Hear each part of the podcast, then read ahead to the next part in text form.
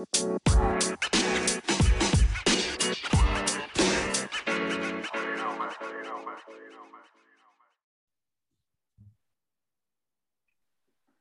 og velkommen til en ny podkast som er Jordbrukspodden. I dag har det ikke skjedd så mye eh, siden i går, så vi hopper rett til den eh, spennende gjesten vi har med oss. Det er Torstein Byrking fra Ål. Driver med gris og sau. Eh, Torstein, kan ikke du si litt mer eh, hvor er ålen i landet, og hvilken eh, type produksjon eh, driver dere med? Og hvem er det som driver gården, og hvem er du? Uh, ja. Uh, Ål det ligger jo midt, midt i landet, som jeg sier. Det er uh, Ål i Hallingdal. Vi bor uh, oppe i en liten sidedal fra Ål, eller i Hallingdal. Vi har gris og sau som produksjon. Uh, Ca. 150 sau, vinterfôra sau. og og da er smågrisproduksjon med litt kombinert gris opp til konsesjonsgrenser. Så vi har eh, ja, full kons... Eller full opp. Vi ligger på full, eh, full produksjon med gris, da. Ja. Eh, er gift og to barn, og susler vi litt med litt andre ting. Litt leiekjøring, litt vedproduksjon, og så er litt hytteutleie i tillegg. ja. Men uh, på gården deres så var ikke gris uh, tradisjonelt uh, fra der. Hva, hva, som gjorde at dere valgte å starte med gris, og når gjorde dere det? ja, vi starta med gris i, i 2012-2013. så der vi holdt på i ca. Ni, ni, snart ti år.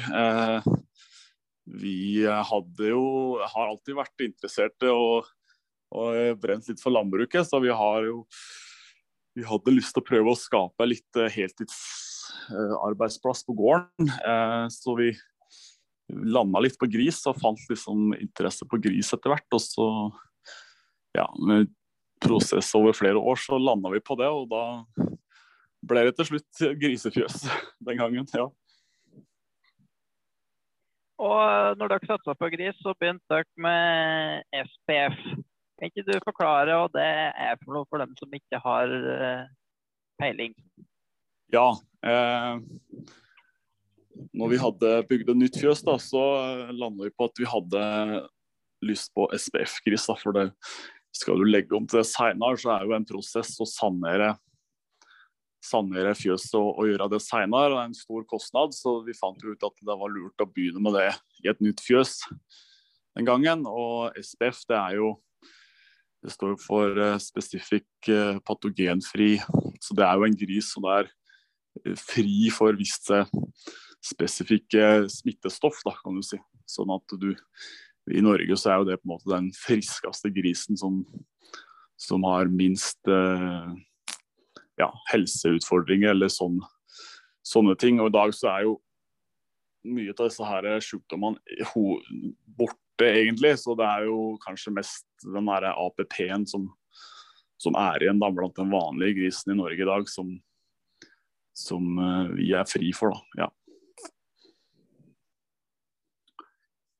Og da er det jo mye på tilvekstsida som de store fordelene. Tilvekst og, og helse som liksom er fortrinnet til, til SPF-krisen. Som gjør at det er økonomisk lønnsomt. Ja da. Det er jo du det er jo tilvekst og, og fôrforbruk kan du si, da, som du har gevinst på det. Også på smågrissalg så har du jo nå i dag 45 eh, kroner mer for smågrisen. da. Men så betaler du også jeg tror eh, Hvis du kjøper livpurker og sånn på SPF, så er vel det også en Det er 20% tillegg på purker da, hvis du kjøper eh, eller bygger en besetning i forhold til vanlig gris. Da. Så det er jo noe dyrere å starte opp med, men jeg tror at det er eh, Litt på sikt da, så tror jeg at det er lønnsomt. Og, og, jeg har på en måte Jeg mener det var et veldig godt valg vi tok den gangen, at vi gjorde det. Jeg har aldri angra et sekund på det, egentlig. Hva er det som var de spesifikke tiltakene dine på når du skulle sette i gang med det? Hva er forskjellen kontra hvis du skulle starte med tradisjonell gris? da? Eh, ja, det er jo det at du har en litt friskere og litt raskere gris på en måte, som vokser litt bedre og på samme fôret, på en måte. Så, du, så vi så jo på det at det liksom Når du starter et nytt fjøs, da, så, har, så slipper du en sånn saneringsprosess og alt det der, så har du på en måte Da er kostnaden kun de livdyra du kjøper for å starte, og så, og så, så du tar det ganske raskt inn igjen for å sanere et fjøs. Da. Ja.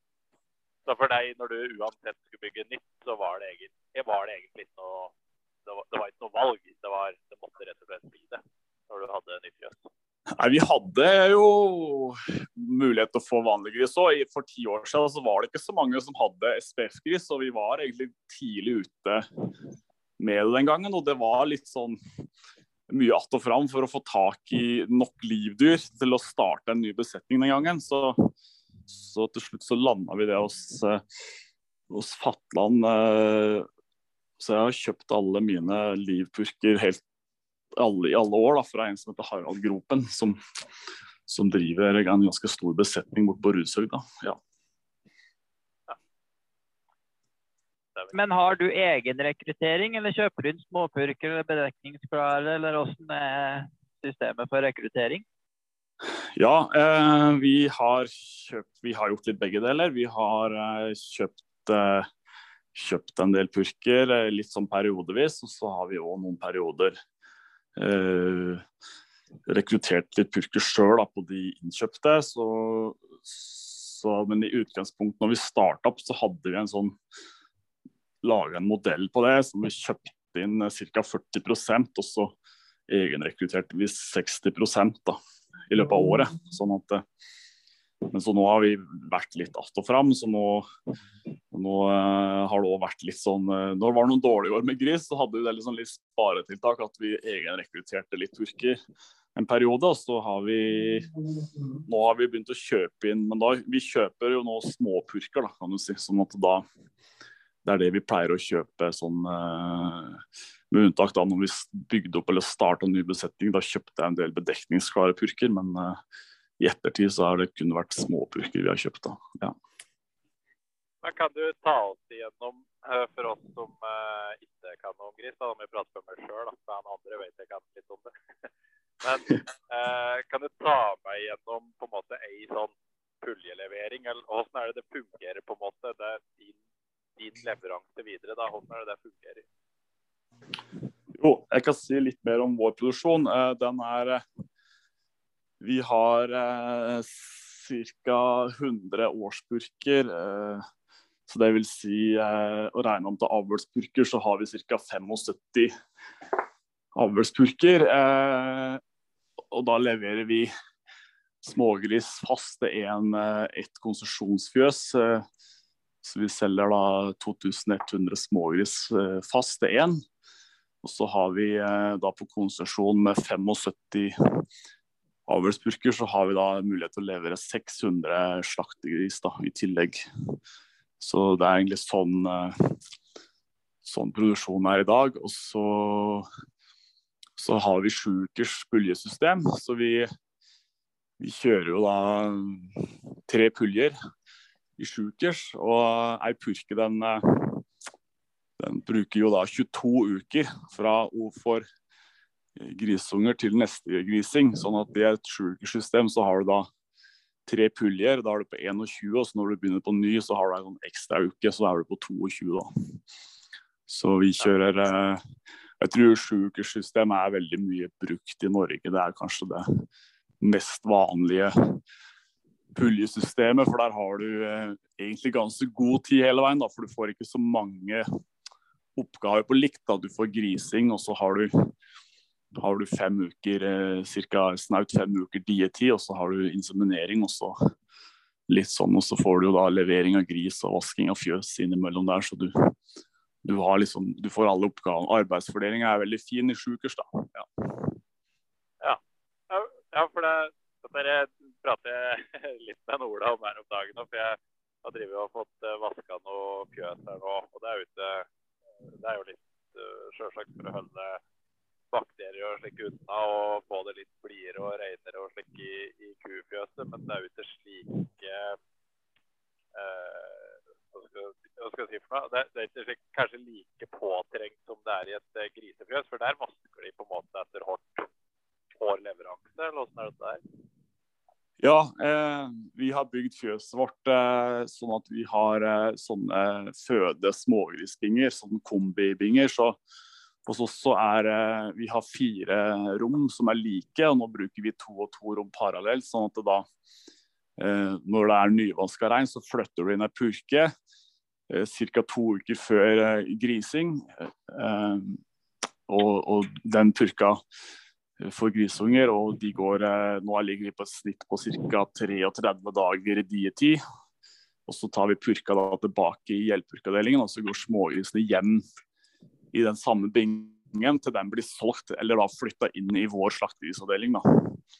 Og Da vasker vi etterpå, sånn at det er alltid er rene binger eh, når du har ny purke og ny, ny, nye grisunger. da, så det er nok litt det der at du nyfødte dyr trenger å ha det litt reint, da, på en måte. Ja, ja, ja, ja. Men er det noe ekstra krav i forhold til vasking på SPF kontra andre besetninger? For meg som ikke kan noe om det. Uh, nei, det er det ikke. Du, du, uh, du må lage ditt eget vaskeregime på en måte litt. da, ja. Så du har ikke noen spesielle krav til det. Det har vært litt mer krav til at vi har eget utlastingsrom når vi selger gris til smågris, slaktegris. Så, så har vi en egen gang som vi jager den ut, sånn at den ikke Vi henter dem ikke rett på bilen fra bingen inn i fjøset, på en måte. Ja.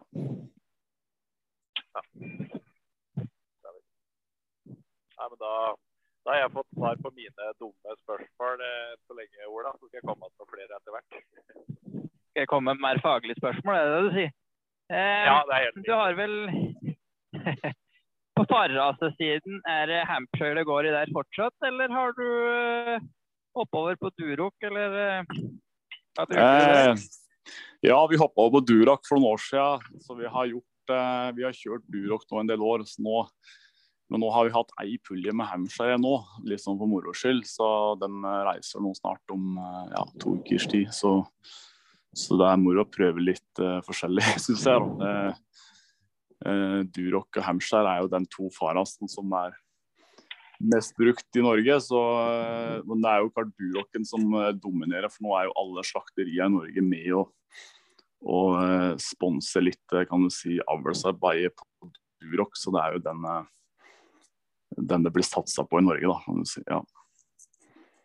Eh, forskjellen mellom eh, Hampshire er kanskje en litt mer sånn livlig gris. Det merker en kanskje at de er også litt mer ureine i bingen. Så det er litt mer, litt mer måkejobb ofte, syns jeg, med Hampshire. Og så er de nok kanskje litt hissigere i matfatet, så du får nok et litt høyere fôrforbruk med Hampshire ofte, da. Eh, vi har sett at vi har kommet litt lavere på fôrforbruk med Duroc, egentlig. Den norske Durocen har jo blitt avla hardt på eh, høy tilvekst og lav fôrforbruk. Da, for eh, det er vel ikke alle land som på en måte har hatt så høye fôrkostnader som Norge. Så det er vel det kanskje litt høyere prioritert, egentlig. Ja.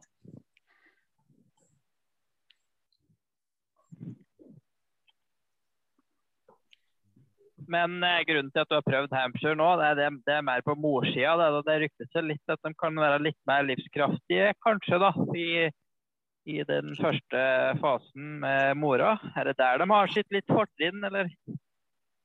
Ja, jeg veit ikke om vi merker noen sånn kjempestor forskjell på det. da, Men, eh, men eh, vi bruker jo bare Hampshire som eh, far. Vi har jo, vi har jo eh, T170-purker og så litt sånn Vi har jo noen purker som er litt sånn sikksakkusninger, da, så det er jo med landsvind, men ellers så har vi så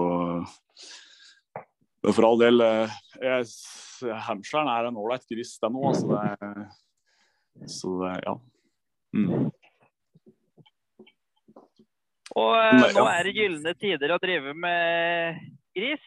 Men i hvert fall de som ikke driver med gris. Men eh, i hvert fall bedre enn det har vært. Hvordan er det du syns det er på, på markedssida for gris nå? Er du fornøyd?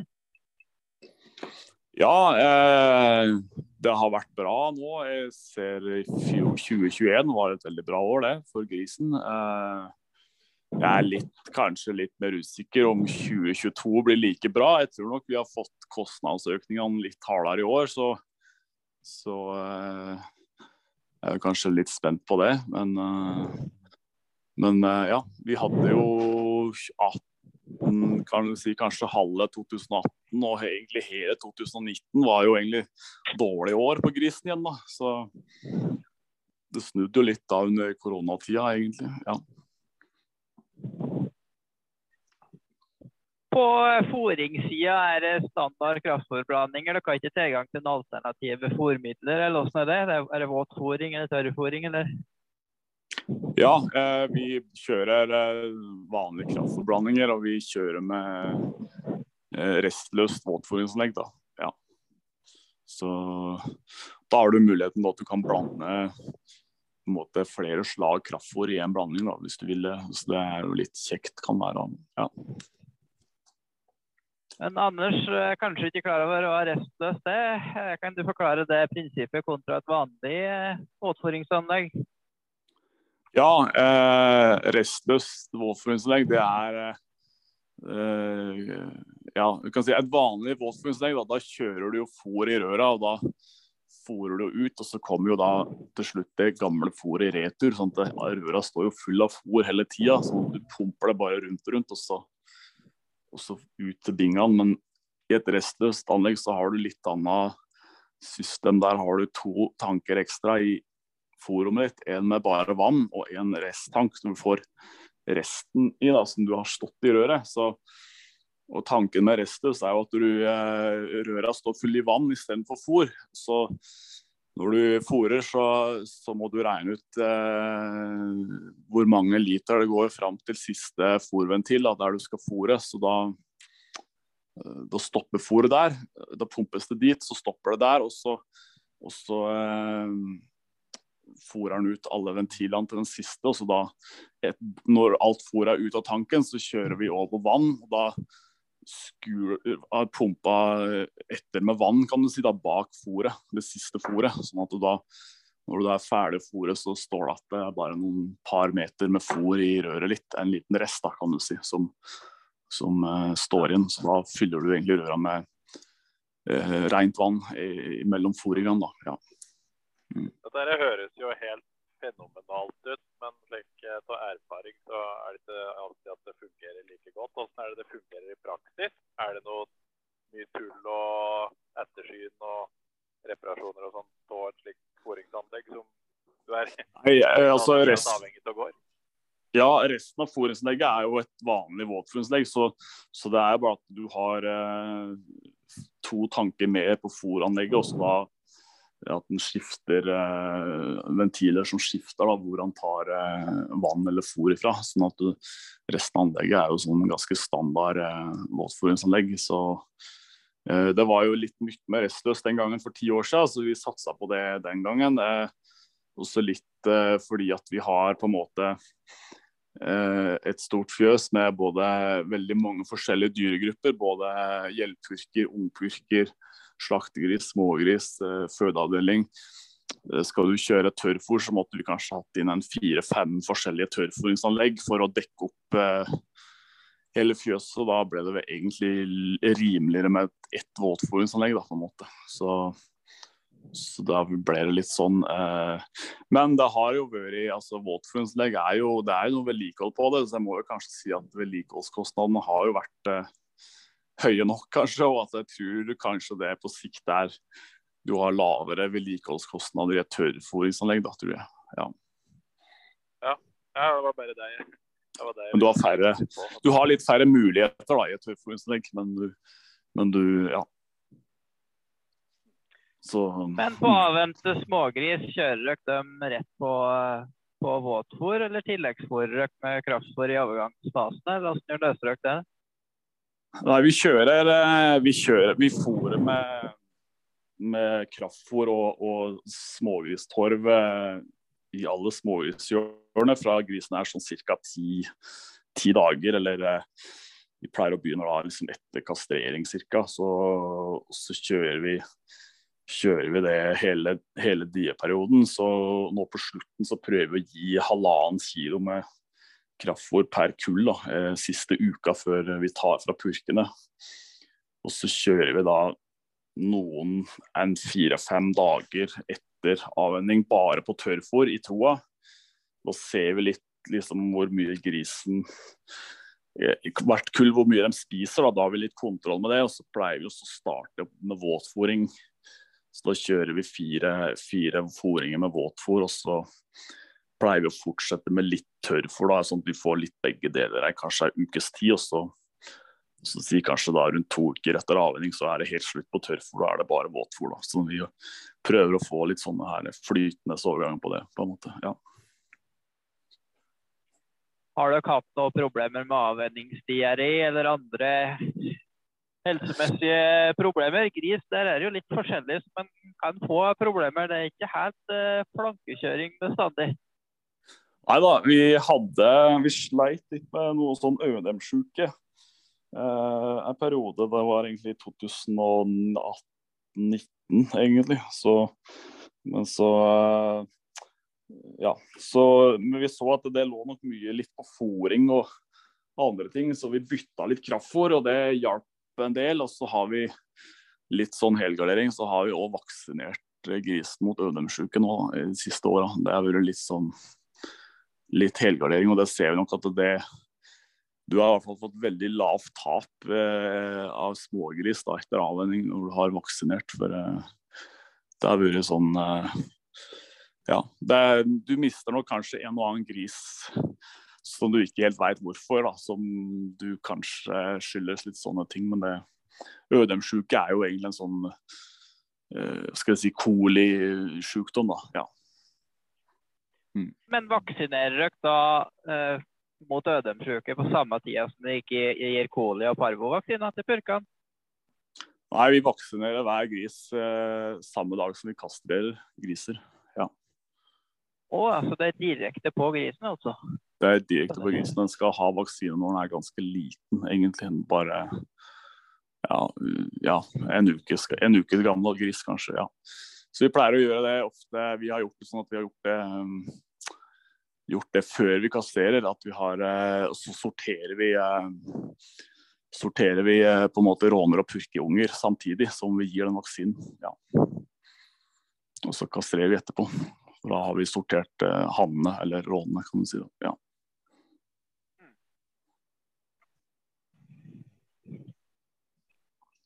Men eh, dere, når dere bygde fjøset, så gjorde dere òg et litt annet utradisjonelt eh, valg i forhold til oppvarming.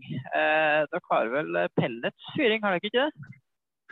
Jo da, vi eh, bor jo oppe i Hallingdal og er ikke kjent for å være altså. Jeg bor jo egentlig høyt oppe jeg ei øverst i bygda her, så vi har jo eh, lang vinter. og er, eh, så vi var ganske bestemt på å ha fyringsanlegg når vi eh, bygde den gangen. Så vi, la opp, eh, vi har lagt både vannbåren varme i hele bygget med gulvvarme og med ribberør i taket da, i egentlig alle avdelinger. Så, så, det var vi helt bestemt på. Men så var det jo litt att og fram hva vi skulle ha som fyringskilde. Så vi vurderte jo litt flisfyring det er jo mange som har. Eh, gass var jo litt snakk om, eller strøm. Eh, eh, men så i Hallingdal så er det også en Hallingdal Trepellets, en fabrikk som lager, lager trepellets. Den er jo egentlig eid av Viken Skog, altså samvirke, skogsamvirket. Og og da, Den gangen så var pris på pellets levert hos oss som bor bare to mil unna, så var det 30 øre kilowatten. Så, så vi satte inn pelletsfyr. Da. Det er jo en vanlig fyrkjele, men du setter inn et brennkammer som er tilpassa pellets. Da. Så vi eh, landa på det, og det var egentlig en forholdsvis rimelig investering. Da, på en måte. Ja. Og Men hvor mye kilowatt varmes ja, fortsett. Ja, trepelles er jo veldig komprimert, kan du si, så det får du levert på kraftfòrbil. Eh, blåst inn på silo. Eh, vi var lenge inne på litt eh, flisfyring, men vi mangla på en måte et lagerbygg til å ha flis i. For du, skal du flise opp en del flis for en vinter, så bør du jo helst ha et under taket en plass. Så, så da var det veldig enkelt å ha vi fikk tak i en brukt silo på 50 kubikk som jeg kjøpte for 15 000 en gang. Så det, da ble det ganske enkelt å, å lagre pellets i forhold til flis. Da. Eh, og da har du en kraftfòrskrue, en vanlig kraftfòrskrue egentlig, eller du bør ha en skrue som går litt seinere og som har litt eh, hardere gods i veggen, for at eh, pelletsene er veldig hard i forhold til uh, vanlig kraftfòr. Og så har vi bygd av en, eh, et eh, rom inne i, i enden av fjøset som er eh, en egen branncelle. Det er bare 15 kvadrat eh, rom da, som er fyrrom, som vi har fyringsanlegg i, i, samme bygget. Da. Ja. Mm. Og det er ja, Du kom inn på kilowatt. Vi har, det er, vi har 100 kilowatt brenner til sammen da, ja. på, på pellets. ja. Og da mye kvadratmeter er det du klarer å varme opp med 100 kW når det er kaldt om vinteren?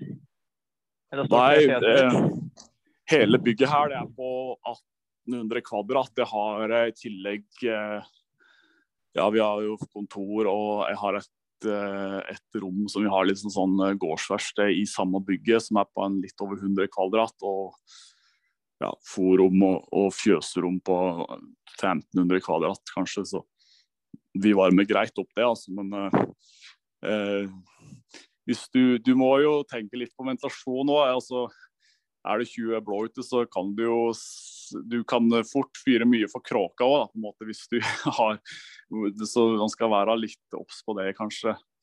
At, eh, at, du kan på en måte makse ut det anlegget òg hvis du ventilerer hardt da, måte, og det er kaldt ute. Så, men eh, tanken er jo at vi nå etter hvert om vi skal ha på våningshuset òg, med vannbåren varme. Så det er vi, vi satser på det. Og, og, det er egentlig god kapasitet på 100 kW, syns jeg. ja. Jeg skal komme med et sånn dumt spørsmål. Da. Er eh, grisen veldig sånn klimasensitiv, holdt jeg på å si, i forhold til varme og slik i, og fuktighet i husdyrrommet? Ja, eh, hvis grisen har det kaldt kan du si, på vinteren, så, så vil den jo ete mer for å kompensere for varmetapet. Sånn at du, du får et høyere fôrforbruk og et høyere ja, eller eventuelt lavere tilvekst da, hvis du ikke kompenserer det. på en måte. Og så uh, Det du merker veldig stor forskjell når du har fyring, er at du får veldig tørt og godt inneklima. Tørr og fin luft inn i fjøset hele tida du får kanskje ikke den litt rå lufta som du får typiske sauefjøs, kufjøs når det er 20 blå ute. Eh, fordi at du, du, kan, du, du ventilerer litt mer da, kan du si, selv om det er kaldt når du har fyring. Sånn at du, du får bytta ut eh, litt mer luft og får en samtidig som du får eh, tørka opp en del. Da. Ja. Ja. Så, så, det, eller varmt skal det være? Ja, vi kjører mye på 18-19 grader. Eh, og så prøver vi av og til å kjøre litt varmere når det er gris, litt høyere romtemperatur. Akkurat når en uke det er grising, og så kjører vi også kanskje litt varmere romtemperatur òg når det er avvenning. da, Når vi tar av eh, grisen. Med, I tillegg så har jo da grisen smågrishjørner i hver binge som som det er både gulvvarme og varmelampe i. Da, sånn at inne i hjørnet der så vil du prøve å ha oppi kanskje 5-26 grader, kanskje litt mer òg, egentlig, når, når, grisen er liten. Og, og vi pleier også å ha disse smågrishjørnene nede når til det har gått kanskje ei uke eller to etter avvenning, sånn at de har den varme kroken sin da, på en måte de er vant til. ja. Da er, jo, da er vi over på at det er jo vesentlig varmere enn f.eks. i et eh, kufjøs. Og vesentlig mer energikrevende sånn, eh, i forhold til nå som strømpris og alt er dyrt. Altså, hvor mye kilowatt er det du eh, drifta di da, har i måneden nå? Nå vet vi jo ca. og kraftprisen har vært over Våser. Ja, jeg ser jo at det fyringsanlegget det kjører jo kanskje 120 000 kW i året. det altså. Så det er det går mye i den pelletsen. Altså. Så, så vi, eh, men det er jo kun det eneste vi fyrer med sånn. Eh, I fjøs ellers så bruker vi Vi bygde jo egentlig noen få år før det ble liksom vanlig med LED-lamper. Så jeg ser at hos oss er det egentlig kanskje lys som det går mest strøm på i fjøset, faktisk. For jeg har jo en Jeg tror vi har rundt 90 armaturer på er det vel 58 eh, ganger 2 uh, rør i. Så det, det, når du setter på all lyset, så går det nesten 10 kilo i lys. Ja. Så vi har prøvd å være litt, litt mer bevisst på lysbruken, og at ikke det står på for mye lys unødvendig nå det siste året. Men uh, ellers så er det jo ventilasjonsvifter. Det bruker du jo kanskje mest strøm på sommeren. og og fôringsanlegg og andre ting, det går jo jevnt hele året, så det er jo ikke noe og varmtvann bruker vi ikke så mye av eh, sånn. Vi har dusj og, og, og smitteslus og sånn. Det er jo litt mer krav til det når du har SPF-gris. Alle besøkende skal skifte og dusje seg inn og sånne ting. Så, så men eh, bruker ikke noen store mengder varmtvann. vann. vi har også lagt opp sånn at vi har eh, eh fastmontert høytrykksvaskeranlegg i fjøset med med en varmeveksler fra vannbåren varmesystemanlegget, som forvarmer vannet si, til høytrykksvasker, sånn at du, du kan få noe oppvarma vann der. Da, så, vi, så, vi, kjører egentlig bare med det, også en kaldtvannsvasker, kan du si. Så vi bruker ikke diesel da, på den vaskinga. Ja. Jeg har en dieselvasker som i reserve, men den bruker jeg litt sånn på sauefjøs og resten av gården, egentlig. ja. Men den pelletsen, du snakka jo om en kilowattkostnad når dere begynte, men det, som alt annet har vel det gått mye opp. Altså, jeg sliter litt med å skjønne litt prinsippet med den pelletsen. For du bruker masse energi for å komprimere da et trevirke som egentlig kunne vært bare en flisbrikett eller en, en, en vedkubbe. Er det liksom på transportsida at det blir så lett å transportere at det er der det liksom gjør at det ikke blir så dyrt? Hva er kilowattprisen sånn cirka? Uh, ja, nå, eh, interessant, interessant, du spør. Eh, grunnen til at den bygde den der eh, Hallingdal trepelles her på eh, litt, Den ligger mellom Ål og Geilo. Der har de et interkommunalt forbrenningsanlegg for søppel. og de ligger vegg i vegg med det, så de får egentlig overskuddsvarme fra forbrenningsanlegg til å tørke og drive den pelletsproduksjonen. Så de har billig energi ski der. Og så er det jo for skogbruket i Hallingdal så går jo mye slipvirke til pelletsproduksjon. Og så, så, er det som du sier med transport, så er det òg gunstig, fordi at vi regna litt på det den, den gangen. Og, og, kan du si at det da eh, Vi regner med at vi brukte kanskje rundt 50 kubikk i året med pellets. Så skulle vi hatt flisfyring, så så må du ha 150 kubikk med løsflis for å få 50 kubikk med pellets. Så du, du, du, du har en tredjedel av volumet på frakta, kan du si. Ja.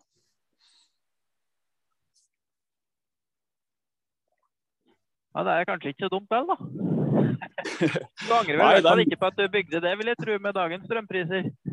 Det er mye, det er mye energi i den pelletsen. Eh, Sånn at du, det, Hvis du hadde lagt inn i et samme volum med pellets i vedovnen din som, som, du gjør med ved, så hadde den rød, eller noe sånt, tror jeg. For det, det er, eh, den er hardt pressa og veldig tørr, sånn at du får, eh, du får veldig mye ut av det, da, kan du si. Ja. Men de, eh, jeg ser jo dem Hallingdal de leverer jo ned, videre ned til Oslo en del, og, og store fornyelsesanlegg som som driftes. De kjøper jo kanskje De har jo store kunder på hoteller og, og forretningsbygg og andre militærleir og, og forskjellig som eh, De kjøper jo kanskje en eh, semitrailer i uka med pelletsstemme også når det er kaldt. Så det det er vel kommet opp noen flere slike felles eh, som lager trepellets. Jeg tror det er noe borti Brumunddal òg, hvis jeg ikke husker helt feil. Eh, ja. Jeg har ikke vært så i de tankebaner ennå. Jeg har ikke helt kontroll på det, sjøl om jeg ikke får så langt unna. Men når det er sagt, så er det jo eh, jeg fylte Pelle sist det var rundt eh, nyttår, og da betaler vi 45 øre for kilowatten. Og nå kjøler jeg det Nå var det egentlig en litt mild vinter, så vi det holdt helt til nå i sommer. Eh, nå skal vi fylle opp igjen snart. Eh, nå tror jeg prisen har gått opp, så jeg tror kanskje vi er på nesten 60 Jeg tror kanskje vi er på 60-70 øre eller eh, noe der nå, da, tror jeg. Tømmerprisene går opp, og det er vel egentlig det som styrer kostnaden mest rundt der, da, tror jeg. Ja.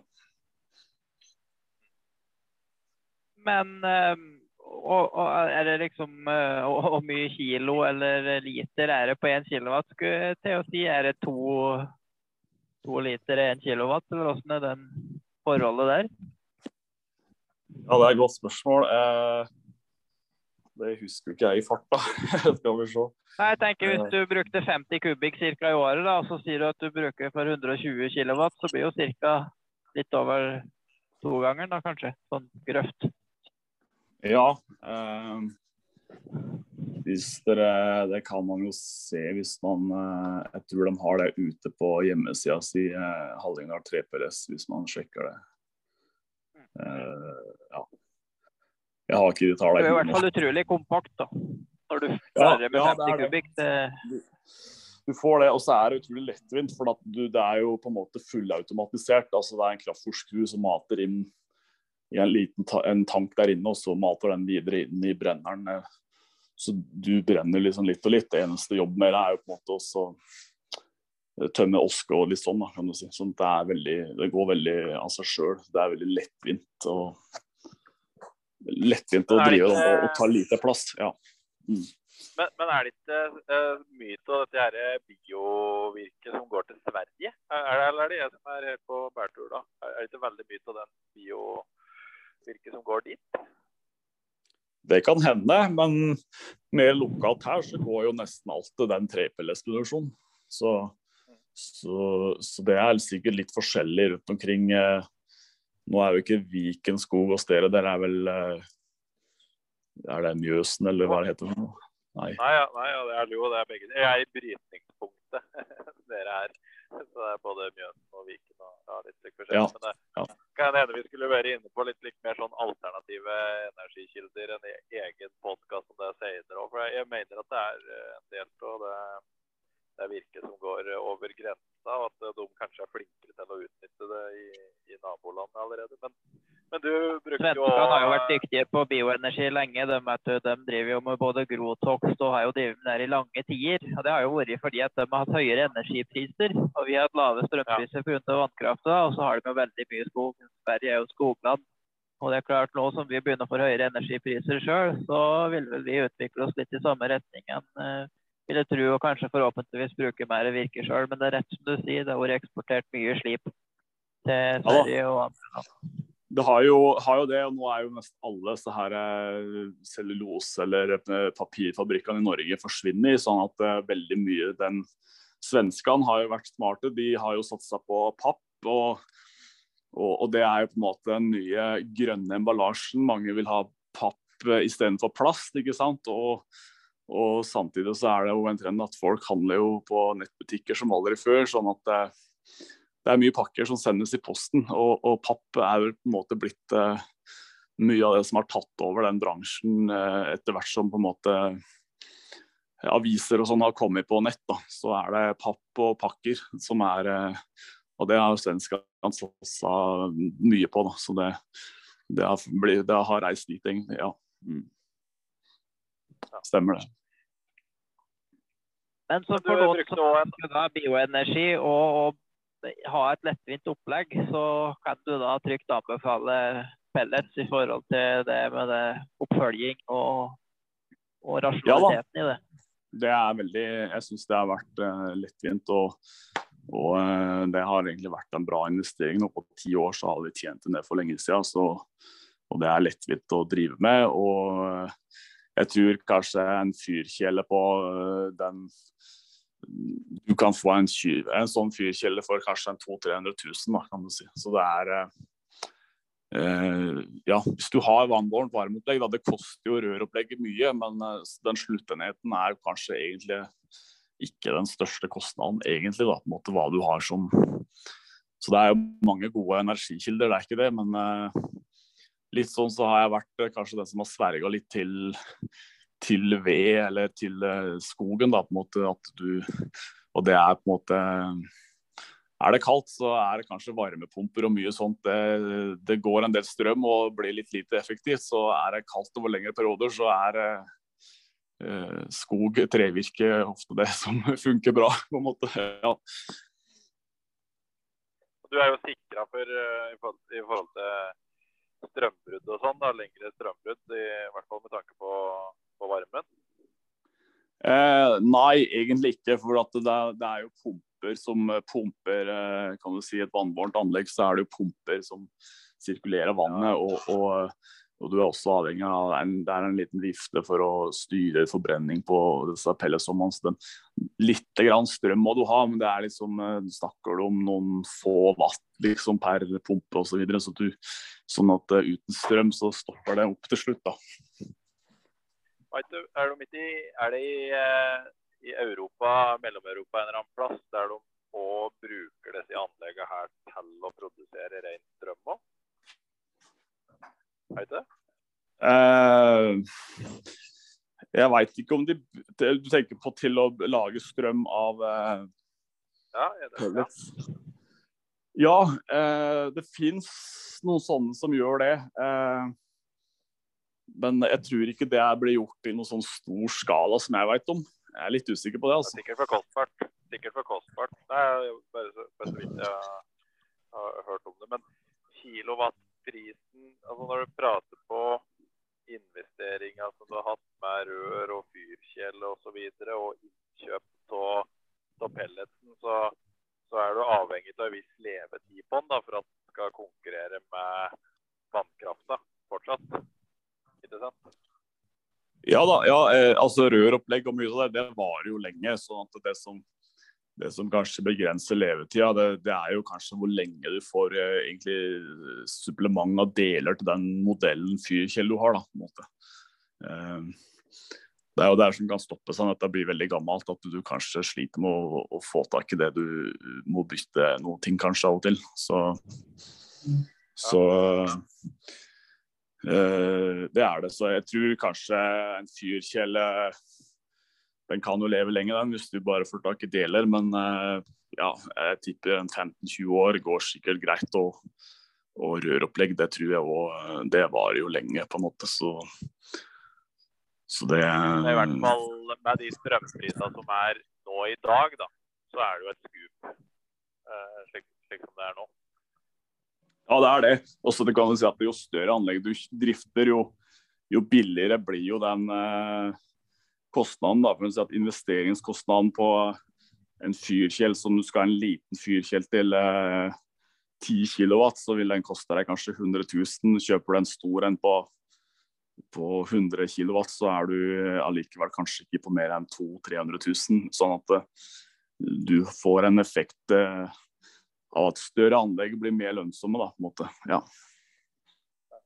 Du hadde òg et annet alternativ energikilde som du hadde begynt med nå, hadde du ikke det?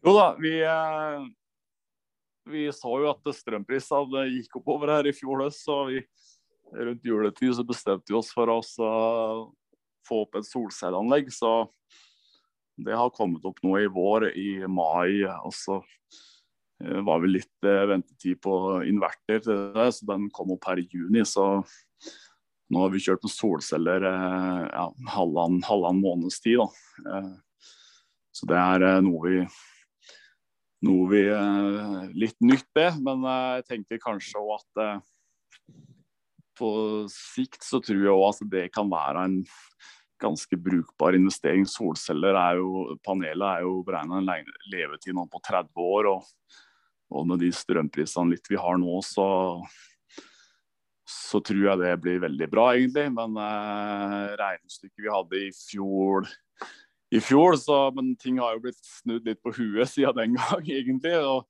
nå får du jo egentlig en veldig bra pris for hvis du selger overskuddsstrøm ut. Eh, mens vi får jo litt strømstøtte på den strømmen vi kjøper sjøl, sånn at det er det. Men du, produserer du strøm sjøl, så sparer du jo nettleie og elavgift og alt den biten der. Så, så vi tror jo på at eh, et solcelleanlegg hos oss nå skal betale seg på en sju-åtte år. da. Kanskje litt mindre hvis, de, hvis strømprisene fortsetter slik som det er i dag. så blir det kanskje litt enda mindre. Men eh, det er jo å spå strømpriser, det er jo eh, det er vanskelig. Det er hvordan dette blir. Men det, det, ser jo i hvert fall sånn som det er nå, at det kommer til å bli høye priser et år til. da, Det tror jeg.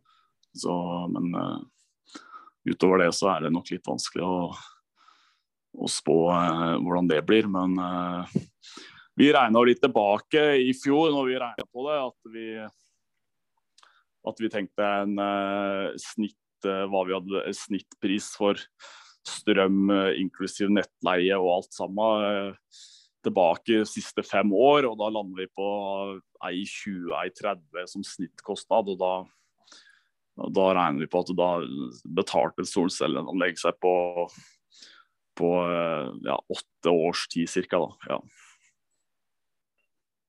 Og da er det inkludert nettleie, da, når du sier tilbake ja. i tid? Der, Ja, det er det. Det var det regnestykket vi hadde i fjor høst. så så du kan si at nå så er jo ja, nå var strømprisen snitt for juni var 1,70 pluss nettleie, så vi, vi har jo eh, Ja, vi har fått litt andre priser siden i fjor høst. Vi har det. det. Men, men, nå da, når du har hatt det i driften måned, og du sier det at strømprisene ligger ca. 1,70, vil ikke det i praksis si det at da lønner det seg å selge den, og heller kjøpe inn strøm pga. strømstøtten? Ja, det gjør egentlig det i dag. Du, du får mer for den du, uh, den, du, uh, den du selger, faktisk. For at selv med nettleia, så er du Jeg tror i hvert fall hos oss, da. Vi har en litt spesiell avtale på strøm òg, for vi bor på Ål kommune. og de har vi kjøper strøm av kommunen, for kommunen eier et eget kraftverk nedi elva her. Så, så, vi har egentlig hatt billig strøm òg, i tillegg. Men uh, nå har det, vært, det har jo vært en diskusjon i kommunen om med, med hva slags priser vi skal ha til innbyggerne osv. Så, videre. så vi har uh, fått en litt bedre strømpris lokalt nå da, enn vi hadde i fjor. Så det var liksom snudd ting litt, da. For, uh, for i fjor så betalte vi rein spotpris, tror jeg. Spotpris uten påslag da, fra strømmen her. ja.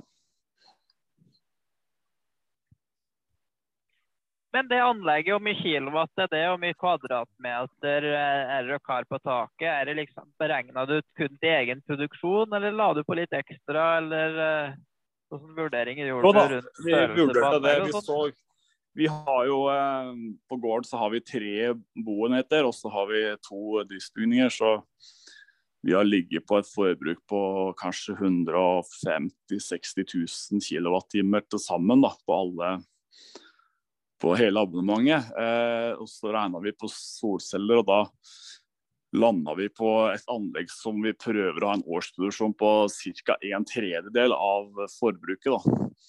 Eh, litt for å ikke komme altfor høyt på sommeren, eh, som jo er den tida du bruker minst strøm, egentlig. Eh, så vi landa da på et anlegg som eh, jeg håper skal klare å produsere da rundt 55 000 kWt i året. Da. da er det det er et anlegg som eh, er, det er 150 paneler på 400 watt. Så det er altså 60 kW på hvis du makser det ut liksom da, på peak-effekt. Uh, så vi er veldig spent på det, og se hva liksom årsproduksjonen blir på det solcelleanlegget. Jeg tror jeg har aldri etter det jeg har sett nå, så har jeg aldri klart å ta ut 60 kW på det. Jeg tror kanskje vi har litt for flatt tak.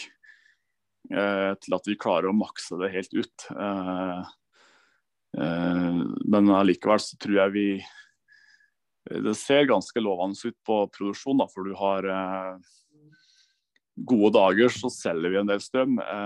og Selv om det er overskya grå dager, så har du kanskje 20-30% effekt på det. da, sånn at du da er du liksom eh, også, Men så kjøper vi jo strøm om natta, da, kan du si. For at når det på natta så blir det jo eh, null. Sånn at du, du, kjøper strøm om natta, og så produserer du så, så nå rundt sankthanstid så er vi oppe og går med produksjon kanskje halv seks-seks om morgenen. Og så hos oss er det slutt da kanskje sånn ja, halv ni på kvelden. Og, og, og kan du si sånn ellevetida så er det null, egentlig. da, kan du si. Så, så det er det er, bra, det er bra nå på sommeren, så det blir spennende å se på vinteren. da er det kanskje ja, litt lite sol på vinteren. Mm. Men, men, er, det noe, er det noe form for uh, lagring på noen batterier og slik? Uh, noen sånne enorme batterier på det der, eller er det sånn uh, hånd til munn, holdt jeg på å si? Nei, det, det, er Vi har ikke det. Så, sånn at det, det, er ut på nett, kan du si, når du men uh, vi får jo fordelt, i og med at vi har uh, eh, kobla uh, kan du si, alle, alle bygninger på samme abonnement, så, så, vil jo det bli brukt internt da, på alle bygningene før det mates ut, kan du si. Sånn at du har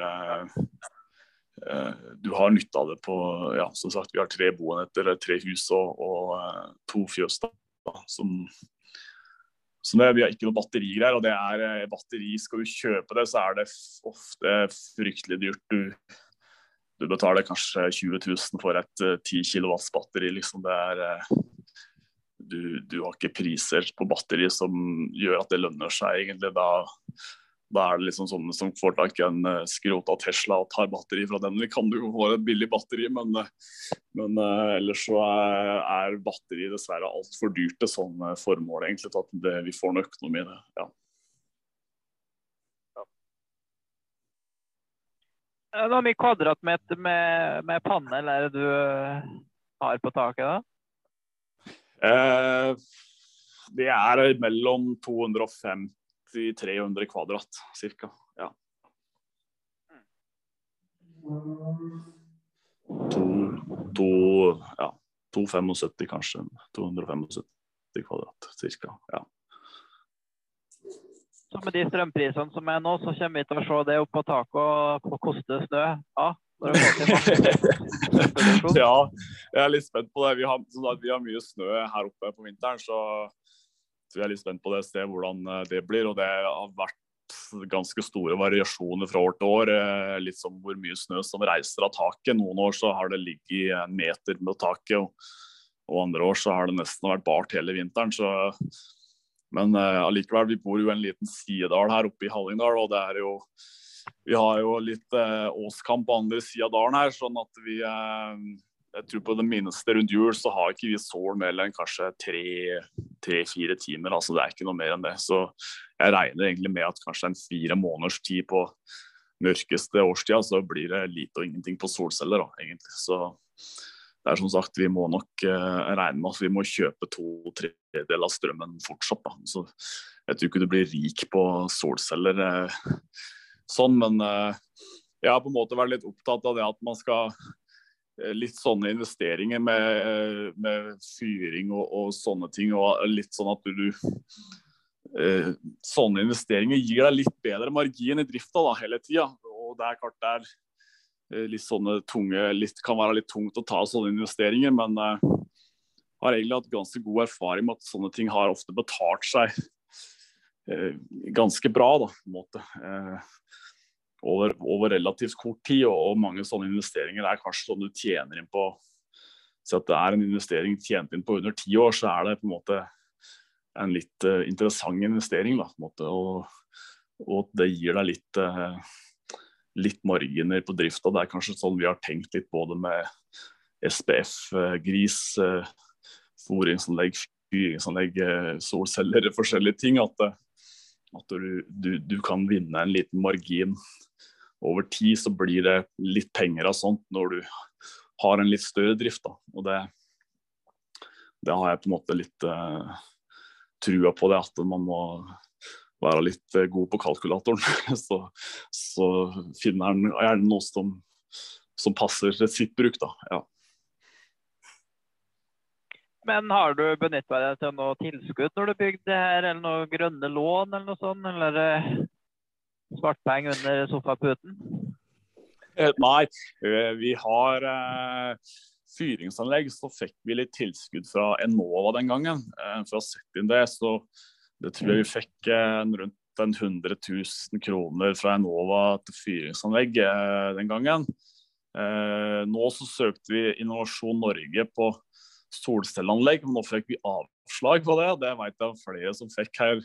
Det var, vi søkte vel i januar, tror jeg. Eh, så sannsynligvis var vi kanskje tom for penger, jeg er litt usikker på det. Men, eh, men eh, vi bestemte oss for å kjøre investeringen uansett. Sånn at det har vært litt både og. Vi har fått litt støtte til noe, men ikke alt vi har gjort. Nei.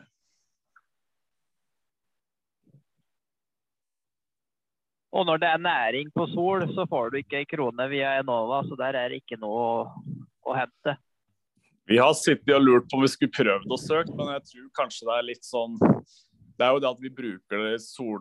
Altså vi har jo solstrøm da, til tre boenheter òg, sånn at det kanskje vi kunne fått noe. Eh, vi sitter og lurer på om vi skulle, men der må du på en måte eh, Enova, så må du ha kvittering for eh, betalte og ferdig anlegg før du får søkt støtte. Så vi har den muligheten kanskje om vi skal prøve oss, men det er jo det er snakk om en 40, eh, mellom 40 og 50 000, tror jeg. Det er det meste du får hos Enova til solanlegg. Så, så, det er jo ikke all verden. Jeg kan jo si at det, det anlegget vårt som eh, er beregna til 55 000 ca. i året, det er 55 000 kilowatt. Det er kosta oss nå rett i underkant av 500 000 ferdig montert. Da. Eh, så vi vi har kjørt et sånn grønt lån på en del av det. da. Ja. Det har vi gjort. Og, og for de lytterne som ikke kjenner til det, så er jo mange banker, sparebanker og andre større banker, Landkredit har det òg, så tilbyr de jo lån som er retta mot sånne typer tiltak, der du får en litt bedre, litt bedre rente. Men det er vel kanskje samme krav til pantesikkerhet for investeringer. Det er jeg ikke helt sikker på. Hvis du kjenner noe til det? Eh, ja, det er det for så vidt. Du, du, du, må jo ha pan, altså, ja, Banken gir ikke noe uten pant så det, det, må du ha. Eh, renta, renta, er jo gunstig. Eh, når vi søkte i vinter, så var renta vel 1,5% Nå har den jo gått opp litt, så eh, Men vi ligger jo eh, Ja, jeg tror vi fort vi er kanskje kanskje si halvannen prosent under et landbrukslån, da, i hvert fall som hos Landkreditt. Ja, det tror jeg.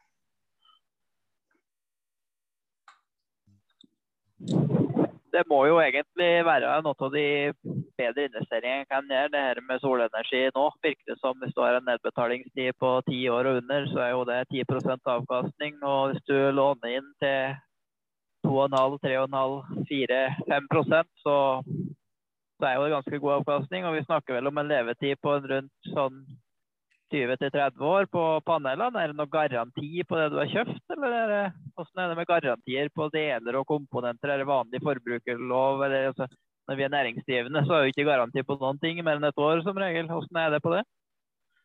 Ja, eh, de garanterer vel nå 85 eh, virkning etter 30 år da, på panelene. Eh, Inverter er vel eh, litt mer usikker på. Det kan jo hende at det kanskje er det inverter som, eh, om den lever 30 år, det er kanskje et mer, en mer spørsmålstegn på det. da. Men uh, selve panela har jeg god tro på skal leve lenge. da. Så, men det er klart effekten Du taper litt med åra, selvfølgelig. Så, så, hvis de holder 85% virkning etter 30 år, så må vi vel kanskje si at det er bra. Ja. Absolutt. Men det, eh, mm. det, er jo rundt sånn ja, kanskje pluss-minus ti leverandører. Nå begynner det å bli kanskje flere, og det kommer jo opp noen nye hele tida, for markedet er stort. Hvordan vurderinger gjorde du? Gikk Sendte du ut mail og spurte om utelukkende på pris, eller så du litt på hvem som har drevet med det en stund? Eller hvilke vurderinger gjorde du i valg av, av leverandør? Ja, vi eh vi eh, sendte noen prisforespørsler til forskjellige. Eh, litt større litt større firma som, som har drevet med det en stund. da, sånn at vi, vi handla av et, eh, ja, et, liste, et firma som heter Solcellespesialisten. Ja. Så jeg har egentlig vært fornøyd med det. Jeg har ikke noe montering og alle ting har gått greit sånn, så, så ja. Eh, litt tilfeldig òg, kanskje. Valg av firma, leverandør, men, eh, men eh, ja. Er, jeg tenker kanskje noen som har litt erfaring med det. Men, eh, og jeg tror egentlig vi var litt heldige, for eh, ja, jeg ser nå så er nok prisene på solcellene gått opp en del det òg, siden i fjor høst. Sånn at Uh, ja, jeg tror nok det er en bransje som er i vekst, og, og, og de prisene øker også på de anleggene. Så, så hvordan du Jeg følte kanskje tida var veldig inne da i fjor høst for å ta det valget og investere i et sånt anlegg. da. Uh, akkurat hva prisene er i dag, men jeg tror kanskje at priser på solcelleanlegg kan ha økt uh, 10-20 siden i fjor høst. Det tror jeg fort. Altså. Kanskje mer òg. Og leveringssider er vel kanskje utfordringa, uten at jeg vet noe om det. Men når det er så mye først, så vil en vel tro at det, det, er kanskje litt utfordrende å få levert det på døra i morgen hvis du bestiller det. Ja, det tror jeg du Og ting, levering av alt har jo vært eh, et mareritt til tider nå de siste to åra. Sånn at eh, du må nok regne med ja, en del måneder eh, leveringstid.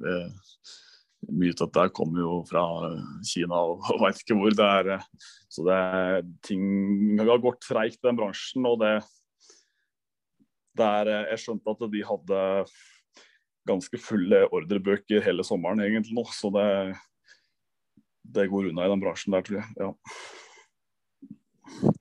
Men det er jo noen som har hatt litt problemer med paneler som har falt til. og sånn. Det har vel kanskje vært der det er montert på takstein, eller i hvert fall hørt om. Hvordan er det er festa? Er det skrudd eh, ned i, i lektene? Eh, eller hvordan er liksom festesystemet? For at det her, er det flere måter å gjøre det på, eller åssen hvordan er det ja, gjort? Det er, hos oss er det montert på noen fester som blir skrudd i lekter også. Vi har jo stålplater på taket vårt, og så er det montert på noen skinner som blir montert mellom festepunktene igjen, sånn at eh, så blir de skinnene festa. Eh, så du har en skinne langs etter hver lekt, og så, og så blir panelene festa oppå det igjen. Da. Så uh, det er dette med snø. Vi valgte å montere panelene våre ganske langt på taket opp mot møene. og på og på langs hele bygget, da, langs møene på en måte. Så eh, det med snø kan være en utfordring. Vi kjøpte også paneler som er litt stivere ramme på, som er beregna for litt mer snølast da, for å tåle hvis det blir liggende mye snø på panelene. Men eh, så er jeg litt spent på det. Men de panelene er jo veldig glatte. Det er jo som glass, kan du si. Så de, hvor mye snø som ligger der, er uh, Ja, det gjenstår å se litt hvordan vinteren blir, kanskje. Men, uh, men det er festa, med, festa på hver, kan du si, hver lekt. Da, i hver Jeg tror den fester sikkert for hver 60 et festepunkt for hver 60 bortover omtrent. da. Ja. Men når du sier det omtrent som glass, vil det si at du får håpe at kanskje snøen raser enda mer av, lettere av solcellene enn av uh, vanlige takplater? Eller noenlunde likt, eller hva du tenker om det? Jeg tror kanskje det, eh, men en utfordring på grisegrøs er kanskje litt dette med støv fra ventilasjonspiper. Så det kan være at uh, kanskje at vi må vurdere å spyle eller vaske panelene. Jeg tror ikke vi trenger å gjøre hvert år. Men, men de er jo litt som sånn her selvrensendes vindu, sa de. da, Sånn at du, du skal ikke få så mye skitt på dem utvendig, på en måte. Så det er Men jeg tror kanskje at på sikt så kanskje man bare grishus spesielt kanskje må vurdere at en en eller annen gang må vaske dem. Vaske dem da, for jeg, jeg vil jo tro at Blir det for mye støv, så blir jo det en brems for effekten. Ja.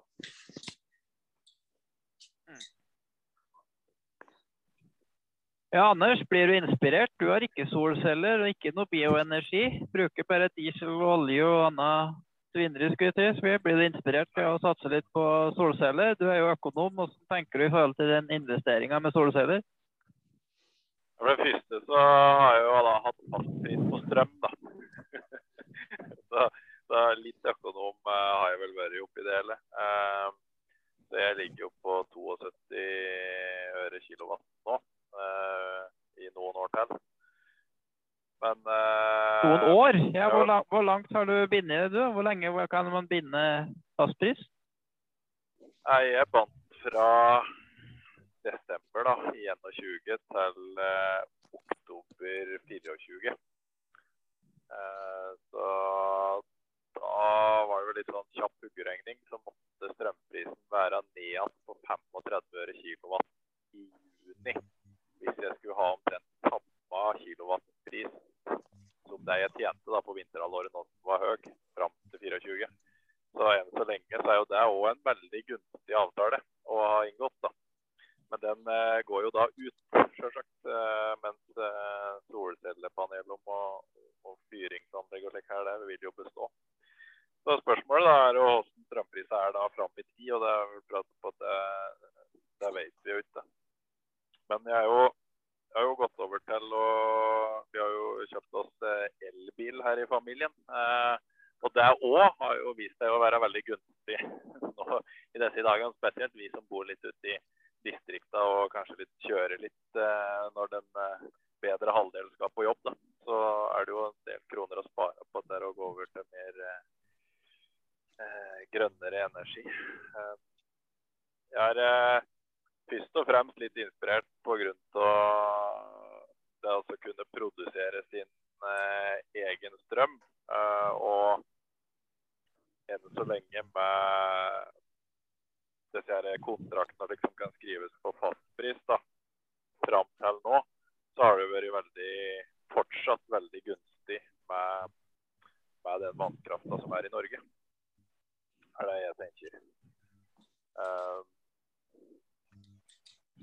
det er nok eh, Det er veldig Jeg tror det er bra for samfunnet i sin helhet at vi går over til mer slik type energi. Og så tror jeg at det lyt enda mer støtte fra eh, sentralt for å få en større omlegging på det. Det er vel sånn umiddelbar mine tanker, da. Men da er ikke jeg slik ja, ikke jeg sånn Jo, men jeg fiska egentlig mer etter at du skulle si at det var veldig lønnsomt. Det, da. Fordi at uh, Hvis du sier du har en investering på 500 000, og du får inn uh, 50 000 kilowatt, og så vet vi jo det at da, og hvis så lenge du bruker mer enn 50 000 kW sjøl, så sparer du jo nettleia på hele den summen. Og så er jo lite trulig kanskje at spotprisen blir noe mye lavere i snitt enn 50-60-70 øre. Og som en Torstein sier, da, så har du jo en, en, ganske bra kjapp nedbetaling på det der, da. Så det virker jo som en no-brainer egentlig på meg, da. Ja, absolutt. Det som ligger og murrer litt i bakhuget mitt der, det er jo lønnsomhet til det som det faktisk skal produsere strøm opp. Det er, eh, ja. det, er jo, det, er, jo på en måte noe som, som Torstein har pratet med hele tida, at det handler om det disse om Og det øker på en måte marginene i produksjonen eh, for øvrig. Da. Og vi har vel ikke prata nok om Jeg er litt sånn interessert på de som driver med gris. da. Uh, hva er det som er de store utfordringene? Hvorfor var det f.eks. dårlig lønnsomhet i de to foregående åra som vi prata om? Og hva er det som kan eh, Hva er det som gjør at det er bedre nå? Ja, eh, vi kan jo si det. Det er jo, det er jo markedet som styrer grisen. Det er jo eh, så det er jo produksjon og, og, og salg som styrer markedet, markedsprisene på gris. Eh, så det er jo overproduksjon, eller ja, om salget går bra, salget går dårlig, eller produksjonen går litt opp og ned. og kan du si småhusproduksjon De siste åra har vi hatt en voldsom eh, utvikling på kullstørrelse. Vi begynte jo med TNs Vi bytta på en måte ut den norske eh, hybridpurka. Er jo, eh, det er jo det de fleste produsenter bruker. Det er jo en eh, hybridpurke, krysningspurke mellom land, norsk landsvin og Yorkshire. Og i 2014 rundt der, så bestemte Nordsvin seg for å bytte ut Yorkshiren som blir brukt i Norge. Den har jo en svensk-finsk samarbeid på avl på Yorkshire. Og så eh, følte hun vel kanskje at de hadde parkert litt ut, eller at de ikke var så ivrige på å avle den, kanskje. Og at eh, de kanskje ikke avla det kanskje den retning vi ønska i Norge. Så da var Norsvin de gikk jo i samarbeid med Nederland, og så etter hvert så ble jo de fusjonert med Topigs i Nederland, så nå heter jo Norsvin Topigs. Så vi fikk jo da nederlandsk Yorkshire til Norge. Og den har jo gitt en litt annen purke, for den er jo på en måte Yorkshiren den er jo 50 av purka, purka vår, og den følte vi at det er veldig bra, veldig bra gris, det. Den, den passer kanskje bedre sammen med den Yorkshire-linja de hadde i Nederland, passer kanskje bedre med den norske landsvin. Altså, du fikk en veldig god match på å lage en hybridpurke av den, den grisen. Eh, det, og den purka den har jo, kan du si, eh, etter vi begynte med den, i, den kom jo inn i 2015. og Så har vi hatt en veldig god utvikling på kullstørrelse. Vi har purker, fått purker som har kanskje litt bedre morsinstinkt, passer litt bedre på ungene sine. Så vi har litt lavere tap av spegris. og Samtidig så har du lykkes med å få ei fruktbar purke som produserer godt mye levefødte unger osv. Så, videre. så du, resultatet av alt er blitt at vi har eh, Jeg ser jo vi har jo nå òg mer enn to vi har jo mer enn Alle kulla har jo økt med to gris siden, siden vi starta opp i 2013. Så, så er jo kullstørrelsen nå over to gris mer i alle kull gjennom året, kan du si. Så så det er klart at det har jo vært utfordringer med Det har jo sine markedsmessige utfordringer med overproduksjon. Når eh, alle purkene får to grisunger mer i kullet, så, så blir det mye gris. Eh, og det er jo det som i grisenæringa at eh, vi kan si at eh, ja, 2019 vi hadde kanskje 3-4% overproduksjon. Men uh, for smågrisprodusent så er jo det en 20% prisfall. Sånn du, du, forsvinner mye penger ut når du har eh, der har det bud sånn sett. Nå I dag så er vi jo snudd. Nå har vi vel 2 eh, for lite gris, tror jeg. og For oss så ser det 20 eh, prisfall, det er jo en million i året ut. da, Så du forsvinner en million inn, så, så er det ikke så mye overskudd igjen, for å si det slik. Så det, det er jo markedet som styrer det utelukkende, ja.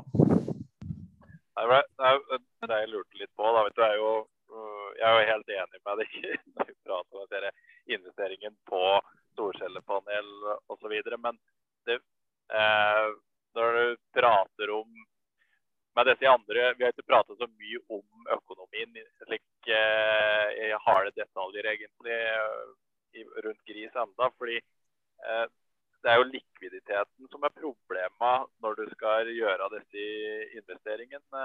Ikke sant, Ola? Altså, og, og, har produksjon, altså griseproduksjon, er det, gir det en såpass god likviditet at disse investeringene på, på disse energikildene er enklere å ta enn for andre produksjoner? Det er jo, Nei, det vil ikke si, men men det er jo, har du pantegrunnlag eller ikke, så samme som likviditet du har. egentlig Hvis lønnsom er investering og du har pantegrunnlag, så er det jo egentlig bare, bare å, å, å, gjøre det. Men du Torstein, du, eh, litt tilbake til det med markedsregulering. for det er jo sånn Jeg har vært litt kjent med, med, det noen år tilbake. Du har jo engasjert deg i forhold til det her med å få til en markedsregulerende verktøy på gris. Vi har jo slitt med overproduksjon på gris i det er jo en sånn bølgedal opp og ned hele tida. Nå er vi vært bra et par år. Og da glemmer vi litt at uh, ting kan snu igjen. Uh, og det kommer, har vel historien vist oss at det kan gjøre. Hva tenker du om den, det som har skjedd de siste årene? Vi hadde jo noen muligheter til å telle smågris bl.a. Da var det jo litt oppe, og vi hadde muligheter til å komme med noen reguleringer, nye hva syns du om det som har skjedd, og hva tenker du bør skje framover på det med markedsregulering eller produksjonsregulering på gris? Eh, ja, eh, godt spørsmål. Vi ender jo opp den gangen å få en regel på inn, inn i konsesjonsloven som, eh, som, regulerer på en måte hvor mange purker du har lov til å slakte. sånn at Det blir jo det som blir begrensninga. Hele formålet den gangen var jo for å ta opp det her med engangspurkeproduksjon. Det er jo en del som har drevet litt med det i, i, kanskje både stor og liten skala. men uh, sånn at Og det de som hadde ligget slakta på en måte mye purker, de fikk jo en dispensasjon fram til uh, 2025. Så det er jo forventa at det blir en dropp i produksjonen i 2025, da alle må inn etter de nye reglene. Eh, ellers så ja, jeg hadde nok vært kanskje dem som hadde ønsket at vi hadde fått en mer regulering på, over på antall smågris. Men, men slik pleier det ikke den gangen. Så, og jeg tenker jo at det er greit nok. Vi lever jo med det å telle purker, men så er kanskje sånn for min egen del kanskje irritert meg litt på det. For jeg liker å ha en litt ung besetning og ikke ha for mye gamle, svære purker. sånn at man noen ganger så kunne man kanskje ønske at man kunne slakta litt mer. Eh, holde besetningen litt ung, og at det kanskje er en litt sånn begrensning på den måten. Men eh, sånn som det er blitt nå, da, så er jo eh, altså Nå er jo byggekostnadene blitt så dyre at eh, et fjøs som kosta 10 millioner for uh, ti år siden, det koster jo 20 millioner i dag. så at, uh, dette har jo egentlig stoppa seg sjøl nå, for det blir jo ikke investert. For det er egentlig blitt for dyrt. sånn at det, uh, det må skje noe sånn da, hvis man Ja, det er jo de produsentene som er igjen, da. Men avskalinga er jo Det er jo mye gamle folk i landbruket generelt, så det gjelder jo gris òg. Så, så, det forsvinner litt produsenter hvert år.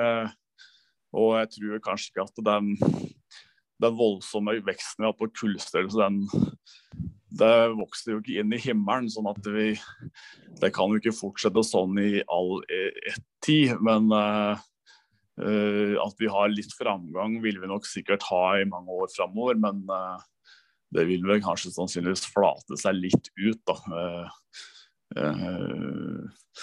så det er, eh, det jeg tror, Sånn som det er nå, så tror jeg ikke det, jeg tror ikke det kommer til å bli noen ny overproduksjonsbølge nå med det aller første. Da, eh, jeg ser i hvert fall ikke sånn ut uh, fram til 2025, og etter det så får vi en dropp, det vet vi. Men, men det er nok egentlig byggekostnader og det som tar livet av en del. Mange har jo i gri, purke eller griseproduksjon Purke fikk jo krav om løsdrift. I gjeldpurkeavdelingen og i for så vidt fødeavdelingen, og at purker skal gå løs. Det var jo i 2004 eller rundt der. og, og mange bygde jo den gangen. Og de fjøsa begynner jo å bli litt moden for oppgradering igjen etter snart 20 år. Så det er jo litt spørsmål hvor mange som vil være med videre i den bransjen. Da. Kanskje det er, det er jo store kostnader å oppgradere fjøs. nå nå er det jo prat om en ny eh, dyrevelferdsmelding. De skal gå litt igjennom arealkrav til gris bl.a. Allerede til neste år er det bestemt. Så du, det kan hende vi får litt nye krav òg etter hvert. Da. Så det er litt spennende å se hva som skjer. og hvor eh, ja, kanskje rett og slett at vi ender at uh, mange fjøs er jo egentlig blitt for små pga. de store kulla. Og hvis vi får tillegg nå får kanskje økt arealkrav, så så er det jo litt spennende. Så må folk redusere eller, eller bygge ut, da. Kanskje for så vidt det er ja. Det er i hvert fall blitt dyrt. dyrt å, det er dyrt å bygge og oppgradere, i hvert fall. ja. Men jeg, jeg, forstår liksom ikke, fordi at uh, både Norsvin og Bondelaget var jo mot å telle smågris. Og argumentasjonen var jo den at det ville gå ut over avlsmessig framgang. Og den logikken forstår jeg jo ikke. For hvis du, jo, hvis du teller smågris, så vil det jo ergo lønne seg å ha færrest mulig purker og produsere flest mulig smågris per purke. Og det er jo det som er avl i praksis, å produsere mest mulig per, per, dyr egentlig, og på en best mulig måte. Akkurat som på en melkeku som melker mer, så trenger du færre melkekyr for å fylle kvota di. Ganske logisk. Hvorfor var det vi som næring gikk imot den, den systemet der da? Jeg forstår det ikke. Forstår du det? Nei, jeg forstår det ikke heller helt. Eh, eh, men jeg ser jo at det er nok en del som ser på det at, at eh, kan du si i, Sånn som det er i dag, da, så regnes, deles jo økonomien i grisebrød. De har en modell de bruker som deler økonomien mellom slaktegris og småhusproduksjon. Og, og, og, i småhusproduksjon så regnes økonomien per purke.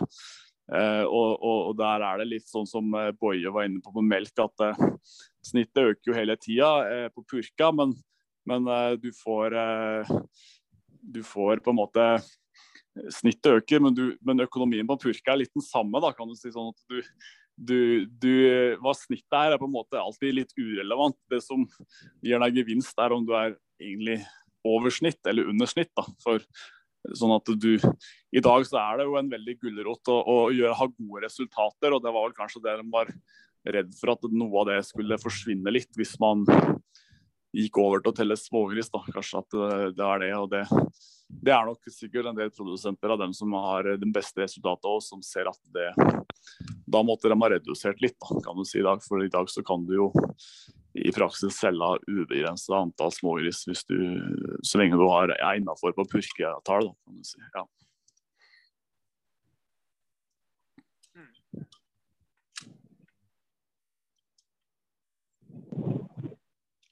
Nei, men da har vi jo vært innom litt forskjellig, både energi og gris, skulle jeg si. Er det noe du har på hjertet eller ønsker å, å fortelle om, eller si, skulle jeg si, på tampen her? Eller er det noe du lurer på, Anders?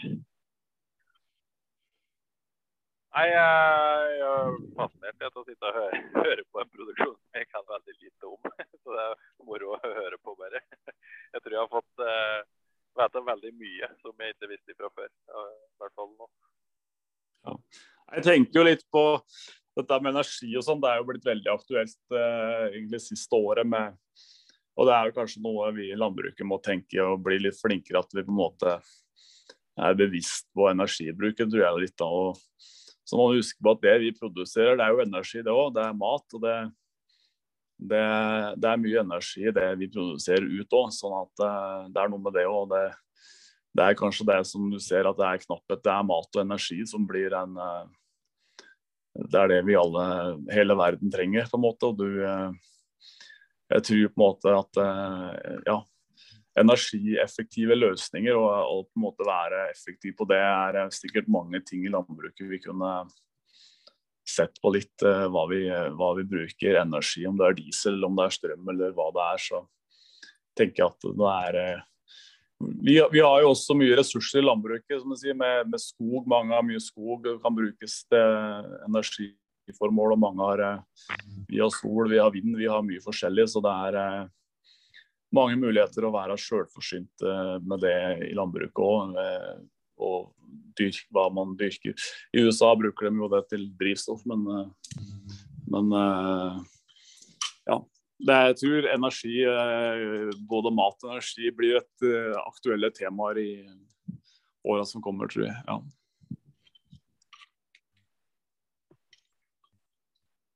I hvert fall sør for Dovre. Her flommer jo hun her jeg bor, så flommer jo vannet nedover. Så litt forskjellige problemstillinger i det langstrakte landet, for den si.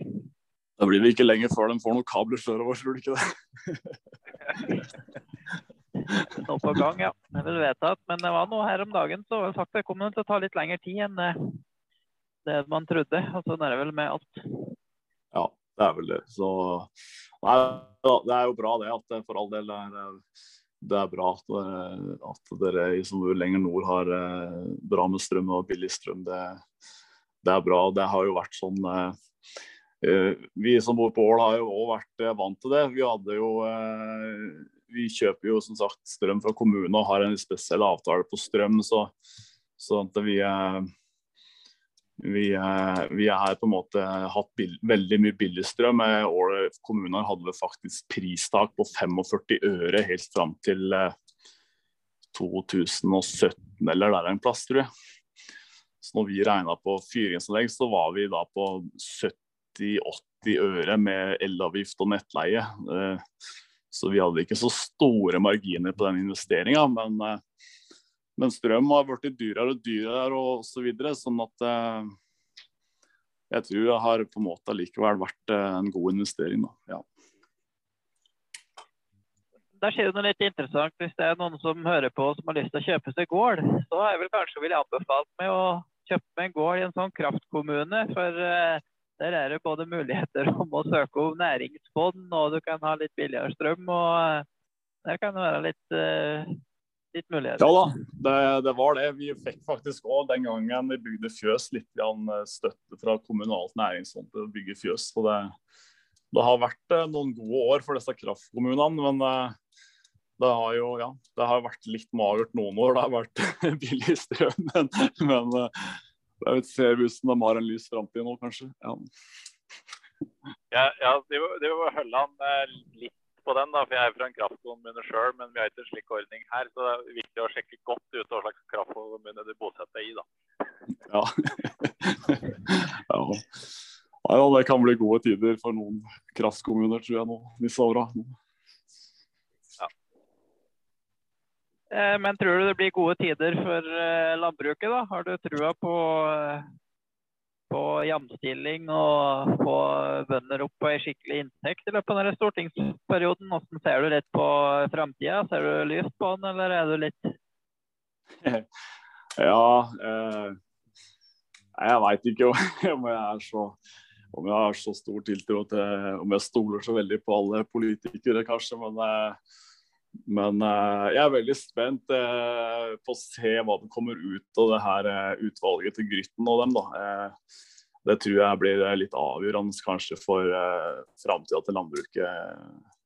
Hvor det lander hen. Så det er noe jeg er veldig spent på å se. og Det at vi helt tatt fikk fikk et sånt utvalg til å ta opp saken, da, det mener jeg var en stor seier egentlig for landbruket. At vi fikk det her på, opp og fram på dagsordenen, egentlig. Så, men det spørs om det går et år til eller åssen det blir. Men en eller annen gang blir de ferdig, så vi jeg tenker jo at mye, Det er jo som alle disse her investeringene som vi gjør, det er jo kapital, kapital hele tida og likviditet. Og, og vi er gode bankkunder osv.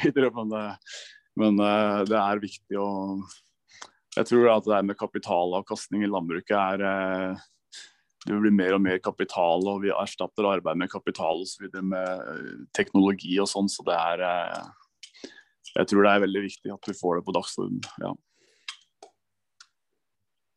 forsiktig optimist, da kan vi eh, kalle det realist. Da må vi si eh, tusen hjertelig takk for at du eh, var med oss i dag. Og så ønsker vi lykke til videre med solceller og egen strømproduksjon, og håper på et fortsatt godt, eller et balansert grisemarked. Så det Ja, vi håper på det. Så tror jeg at folk slutter ikke å ete, så vi må nok fortsette å lage mat.